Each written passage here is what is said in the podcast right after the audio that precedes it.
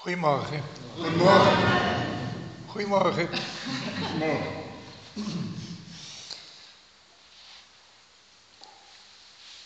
Ehm, dit is een beetje naar aanleiding van een, een vraag die ik wel eens krijg. En, en, en, en eh, over wat nou, eigenlijk, eh, wat nou eigenlijk de echte gevolgen zijn van zitten in zen.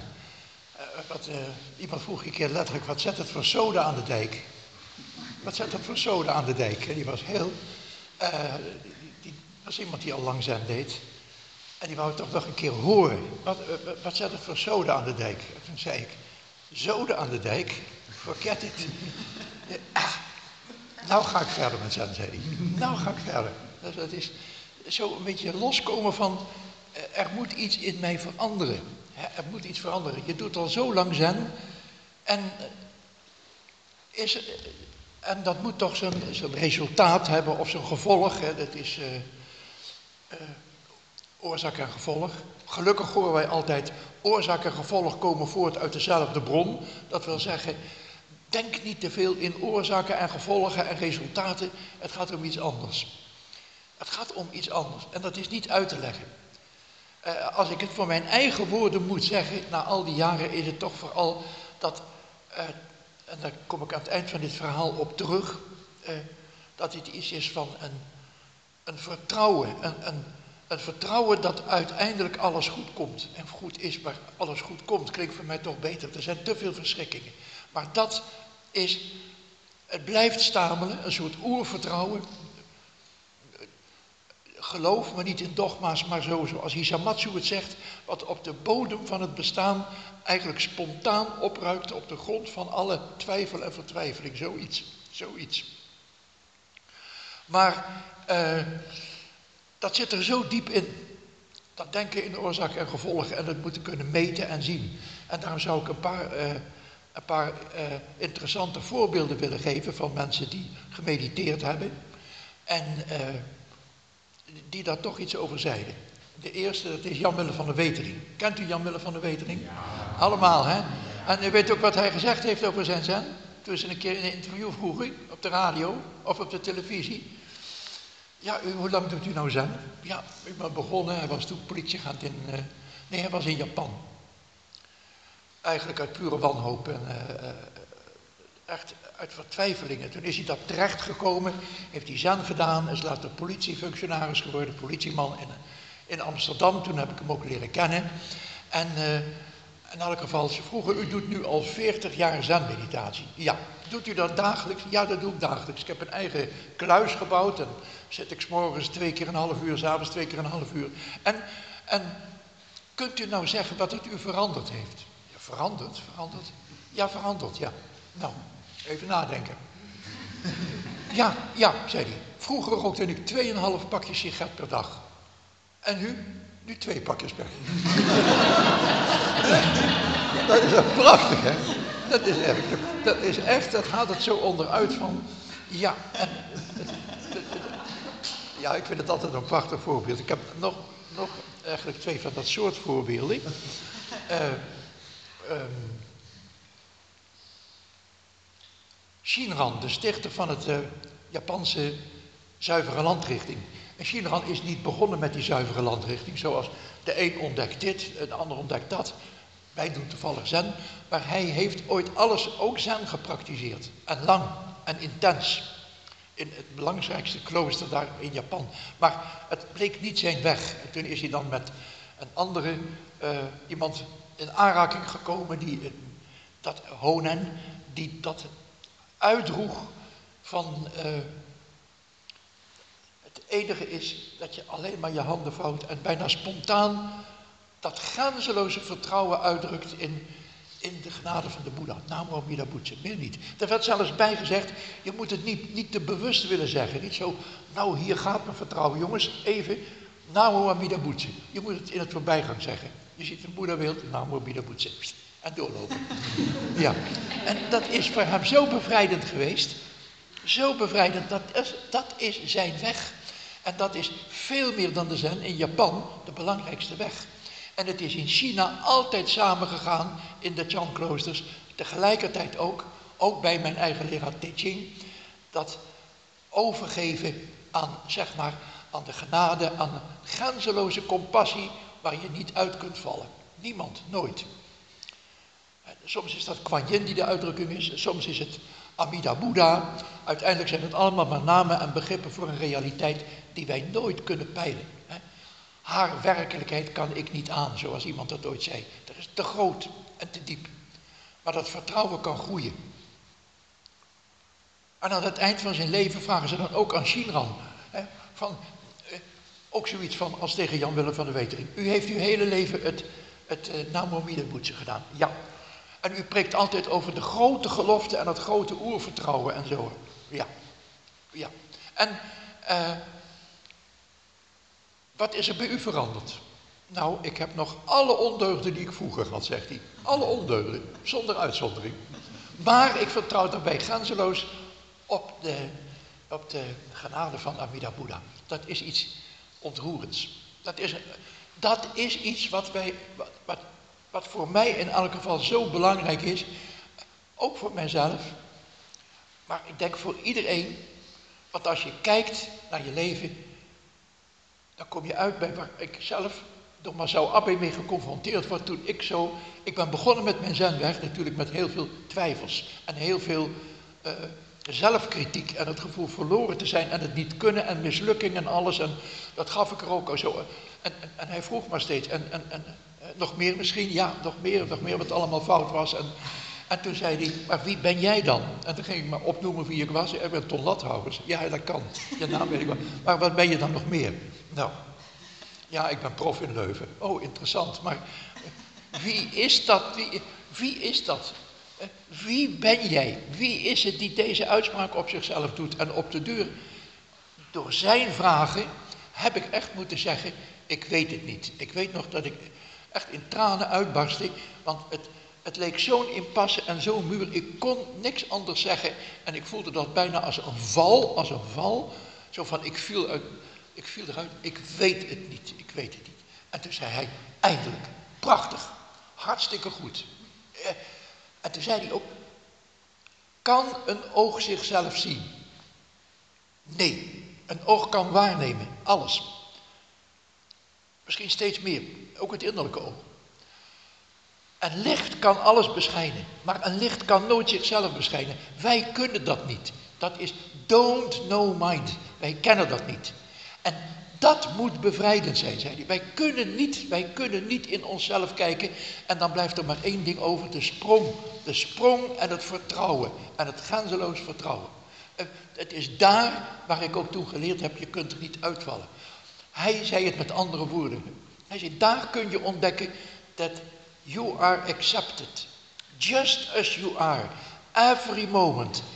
Here and now elk moment opnieuw. Wat je ook doet, wat je ook bent, hoe je jezelf ook oordeelt. Want dat is ook iets, hè. Oordeel niet gaat ook over onszelf. Net zo goed. We kunnen, Fortman schrijft ergens dat het misschien het meest eh, voor de hand liggende om onszelf te oordelen. Op sommige momenten soms. En dat het het moeilijkste is te vertrouwen dat je aanvaard bent en jezelf aanvaarden. En dat ligt daar besloten in die uitdrukking, die ontdekking, die ontdekking van Shinran. Shinran zegt het heel radicaal soms. En hij zegt het zo, hè, als, de, als de goede mensen die het goed doen in het leven, al absoluut zeker mogen zijn van dat ze gered worden door de gelofte van Amida Buddha. Hoeveel meer zeker mogen dan zijn de mensen die mislukt zijn en hij noemt er iets bij, een, een, een woord in het Japans, de Ichantiki. De Ichantiki, dat zijn in het boeddhisme zo de, eigenlijk die, die wezens waar geen enkele hoop meer voor is, omdat niks lukt. Hij zegt, juist voor de Ichantiki heeft Amida Buddha die gelofte afgelegd. Dus als de goede al zeker mogen zijn van verlossing uiteindelijk, hoeveel te meer dan de mislukte, voor hen heeft hij het gedaan. Dat is zo prachtig, dat is... Uh, Überhaupt is Shinran prachtig. Hij zegt ook ergens van de gelofte, en het is niet zo dat omdat iedereen gered wordt, ik ook maar uiteindelijk met een bezem het grote licht binnengeveegd wordt aan het eind van mijn leven. Zo met de hele troep. Nee, Amida Buddha, of hoe je het ook moet noemen, Kwanjen, heeft die oorspronkelijke gelofte, die voortijdelijke gelofte gedaan, specifiek voor mij kleine, kleine verloren Shinran. Dat maakt het ineens zo intiem, daar denken wij niet aan. Anders is het een soort natuurwet. Hè? Eh, de gelofte van Amida Buddha, daar vallen we allemaal aan door een soort natuurwet. Twee keer twee is vier en die gelofte geldt ook. Maar het is iets met een hele grote intimiteit en een persoonlijke ontmoeting. En dat brengt hij tot uitdrukking. Voor mij, kleine Shinran, is die gelofte afgelegd. En zo kan iedereen dat ervaren. Zo leert hij dat ook aan mensen. Aan iedereen leert hij dat zo.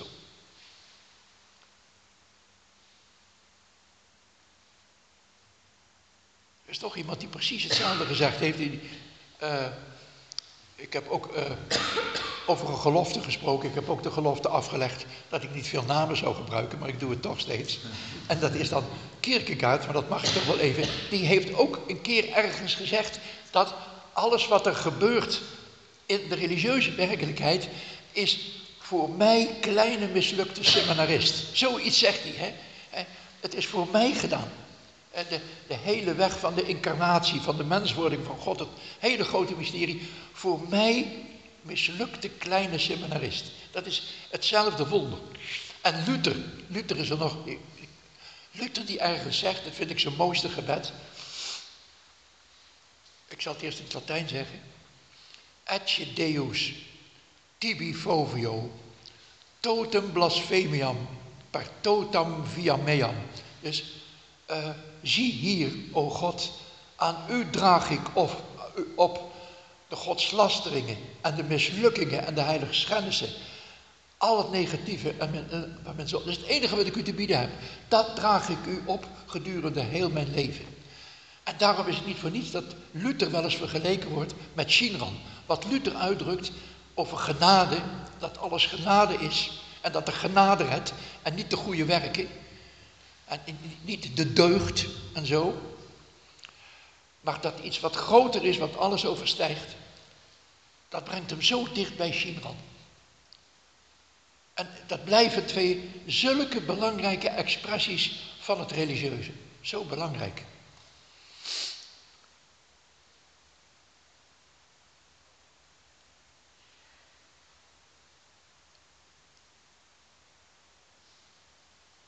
Ik wou er nog iets over zeggen, iets naar aanleiding van, uh, uh, van een ver verleden van mij. Oh, oh, ja, los daarvan nog even over die voornemens die je kunt maken. Ik heb heel lang in mijn dagboek vroeger, ik had dat ooit gelezen bij de grote heilige Theresia, die deed dat ook zo. Uh, er staat ergens in haar kasteel der ziel, elke dag schreef ze een soort ondeugd van zichzelf op en dan ging ze dan speciaal aan werken, of elke week. Nou, ik heb het ook een tijd gedaan, maar ik werd er helemaal bigoeng van. Uh, is Indonesisch voor een beetje getikt. dat, dat ging gewoon niet. Dat helpt niet. Ik, ik, je komt van de regen in de drop als je dat te intens wil. En ik heb ook een tijd gehad dat ik dacht, ik praat te veel. Ja, ik praat inderdaad hier ook veel, dat weet ik. En ik had de neiging vroeger om, maar misschien ook omdat ik dacht, ik wil dan iemand helpen die met vragen kwam. Ook in de dokzaal, maar ook op college vroeger toen ik nog les gaf. En sprak ik ook graag over religieuze thema's en met studenten. En ik luisterde niet genoeg. Ik luisterde even en toen dacht ik, oh ja, dat kan ik zeggen. En dan kwam ik met een verhaal. En ik heb ontdekt dat dat niet goed is. En toen heb ik in mijn dagboek geschreven, en dat heeft wel geholpen. Eh, ton hou je mond. ja, elke dag stond dat ton hou je mond. En daaronder stond er eens in de week stond erbij, op zondag, Malchi Islushai. Ik wilde niet dat iedereen mijn dagboeken las. Dat is zwijg en luister. Zwijg en luister. En dat helpt. Het gaat langzaam en elke keer vergis ik. Maar elke keer als ik over de schreef ging, dacht ik weer, Ton, hou je mond. En zwijg en luister. En dat helpt. Uh, ik weet niet of het helemaal geholpen heeft, Louise. ja, ja oké. Maar goede voornemens zijn er toch ook. Hè? We zeggen wel eens, de hel is vol goede voornemens. Maar het is toch iets wat we kunnen doen. Net zo goed als Margrethe Yourcenar, die schrijfster, Belgische, Franses, altijd zegt...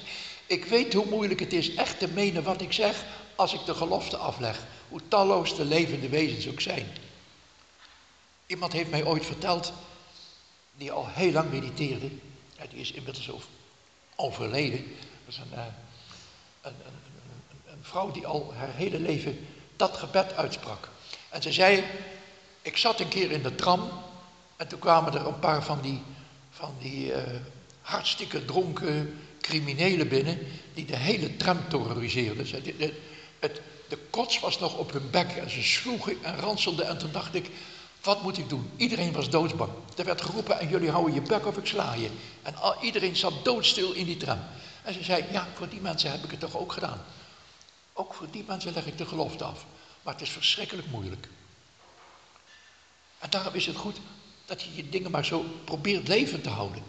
Ook al komt er soms verzet, hè, of vraag of twijfel of wat dan ook. Wat dan ook. Ook dat is iets wat ik heel veel geleerd heb van, ja, ik noem wel echt veel namen, Pascal, die schrijft ergens, er zijn tijden in je leven dat je met al je vertrouwen en al je geloof en je religieuze zekerheden toch in zo'n dorheid bent dat je niks anders kunt, dat je twijfelt, dat je denkt, het is fake, het is niets, het stelt niks voor. Het enige wat je kunt doen is, doe het alsof je erin gelooft. Bid het wees gegroet, bid de rozenkrans, bid de litanie, ga de communie, doe de gebeden, doe. Het helpt, het werkt. Dat is dus, je hoeft het niet altijd te voelen. Je hoeft het niet altijd te voelen, emotioneel zo van, ik heb toch even fijn gemediteerd, nou het is even helder geworden. Nee, soms is er opstandigheid, soms is er prikkelbaarheid, soms is het, wat zit ik hier te doen? Van alles. Ja. En ik heb heel veel geleerd van een uitdrukking van die man waar ik wel eens over verteld heb. Die uh, Charles de Foucault. Je mag die naam vergeten. Hij was, een, hij was ooit officier in het Franse leger in de tijd dat Marokko, Algiers en Tunis nog koloniën waren, heeft daar gevochten, maar is uit de dienst getrapt wegens wangedrag en plichtsverzuim, wegens hoererij en, uh, en, en, dronkenschappen enzovoorts. En uh, ja, hij wist niks anders te doen dan, ik moet een beetje veranderen. En ik moet veranderen, maar ik weet niet hoe. En dat lukte van geen kanten. Ik heb wel eens iets over verteld. Hij heeft toen een reis gemaakt en hij heeft de taal van de Torex heeft hij uitgegeven, het woordenboek, het Tamashek, maar het hielp niet. En toen is hij, sorry als ik dat een keer verteld heb, in een regen, in een nacht, naar een kroegentocht, is hij in een kerk gaan schuilen en hij komt daarbij een bikstoel en hij schuift eigenlijk min of meer uit protest maar aan. Hij vindt het allemaal flauwekul en hij zegt tegen die priester als hij aan de beurt is, ik ben atheïst. Knielen, zegt die man. En daar begint een verandering voor hem. En dan schrijft hij daarna iets, iets zo indrukwekkends in zijn dagboek. Hij zei, en toen begon een jarenlange proces. Een jarenlang proces. Ondanks mijn bekering, hè, dat is echt iets heel. Het was een radicale ommekeer innerlijk. Innerlijk dat hij dat geloof terugvond. Uh, een mirakel. En hij zegt, ik zal dan ook wel veranderen. Maar hij merkte dat gebeurt niet. En dan noemt hij dat ergens de uiterst trage, krapachtige bewegingen van mijn ziel, die probeert iets aan mijzelf te veranderen. En ik bot, zegt hij, altijd weer op die muur, de muur van de inertie. Hoe moeilijk het is in beweging te komen, de inertie. Hè? Ik wil veranderen, ik probeer het even, het lukt niet. En dan haalt hij een voorbeeld aan. Zegt hij, ik heb wel eens gezien en gehoord hoe moeilijk het is uit de natuurkunde ik heb naderhand ook ooit wiskunde natuurkunde gedaan, dat weet u. Dus toen was ik ook geboeid door die wet van de inertie.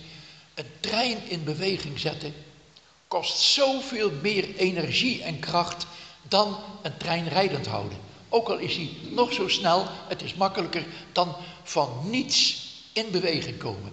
De wet van de inertie is zwaar. Niet alleen in de natuurkunde, maar ook in onze ziel. En dat ontdekt hij. Dat zegt hij ook, die, die inertie en die, die bijna als een beweging van een krab, eh, zo'n zo zeedier, heel langzaam begint er iets in mij waar ik elke keer, elke keer maar naar kijk en probeer oefenen, oefenen, eindeloos oefenen. Dat is ook, ook met ons zitten, ook met alles. En nooit de moed opgeven. En hetzelfde ontdekken wat Shinran ontdekte van over de mislukking dat de genade groter is dan de deugd. En ontroerender. En dat vergeving beter is dan een schouderklopje. Goed gedaan, jongen. Dat iemand zegt: Het hindert niet, kom maar hier. Ontferming en vergeving is een groter mysterie en heeft meer met liefde te maken. En ik heb dat, om terug te komen op, op die, uh, die man daar in die woestijn, die naar de hand in de woestijn is gaan wonen. Uh, die heeft de priesterarbeiders gesticht. Een, richting daarvan. De petit frère van Charles de Foucault, de petit frère de Jésus. Dat is waar ik toen bij wilde, toen ik toch ook uh, in een moment zo voelde, mijn leven moet anders worden. Ik was een jaar of 18, 19.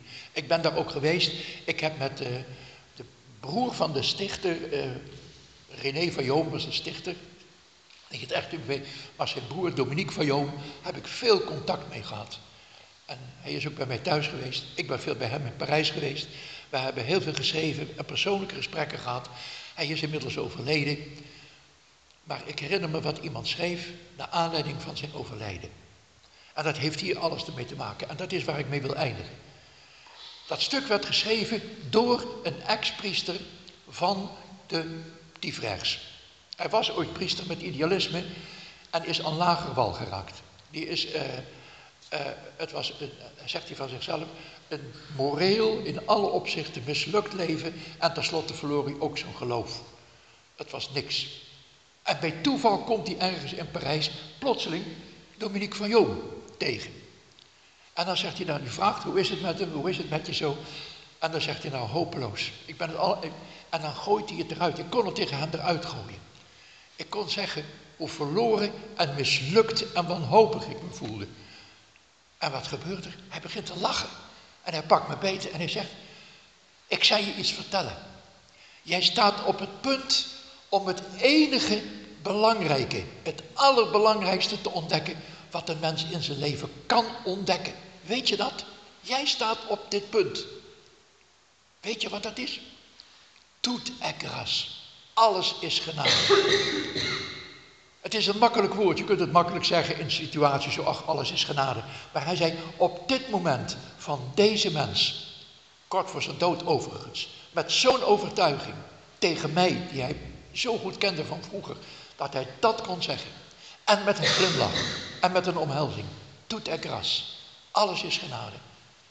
En dat is eigenlijk de sluitsteen van die andere getuigenissen van een Luther. Hè? Van een Luther over de genade en van een Shinran.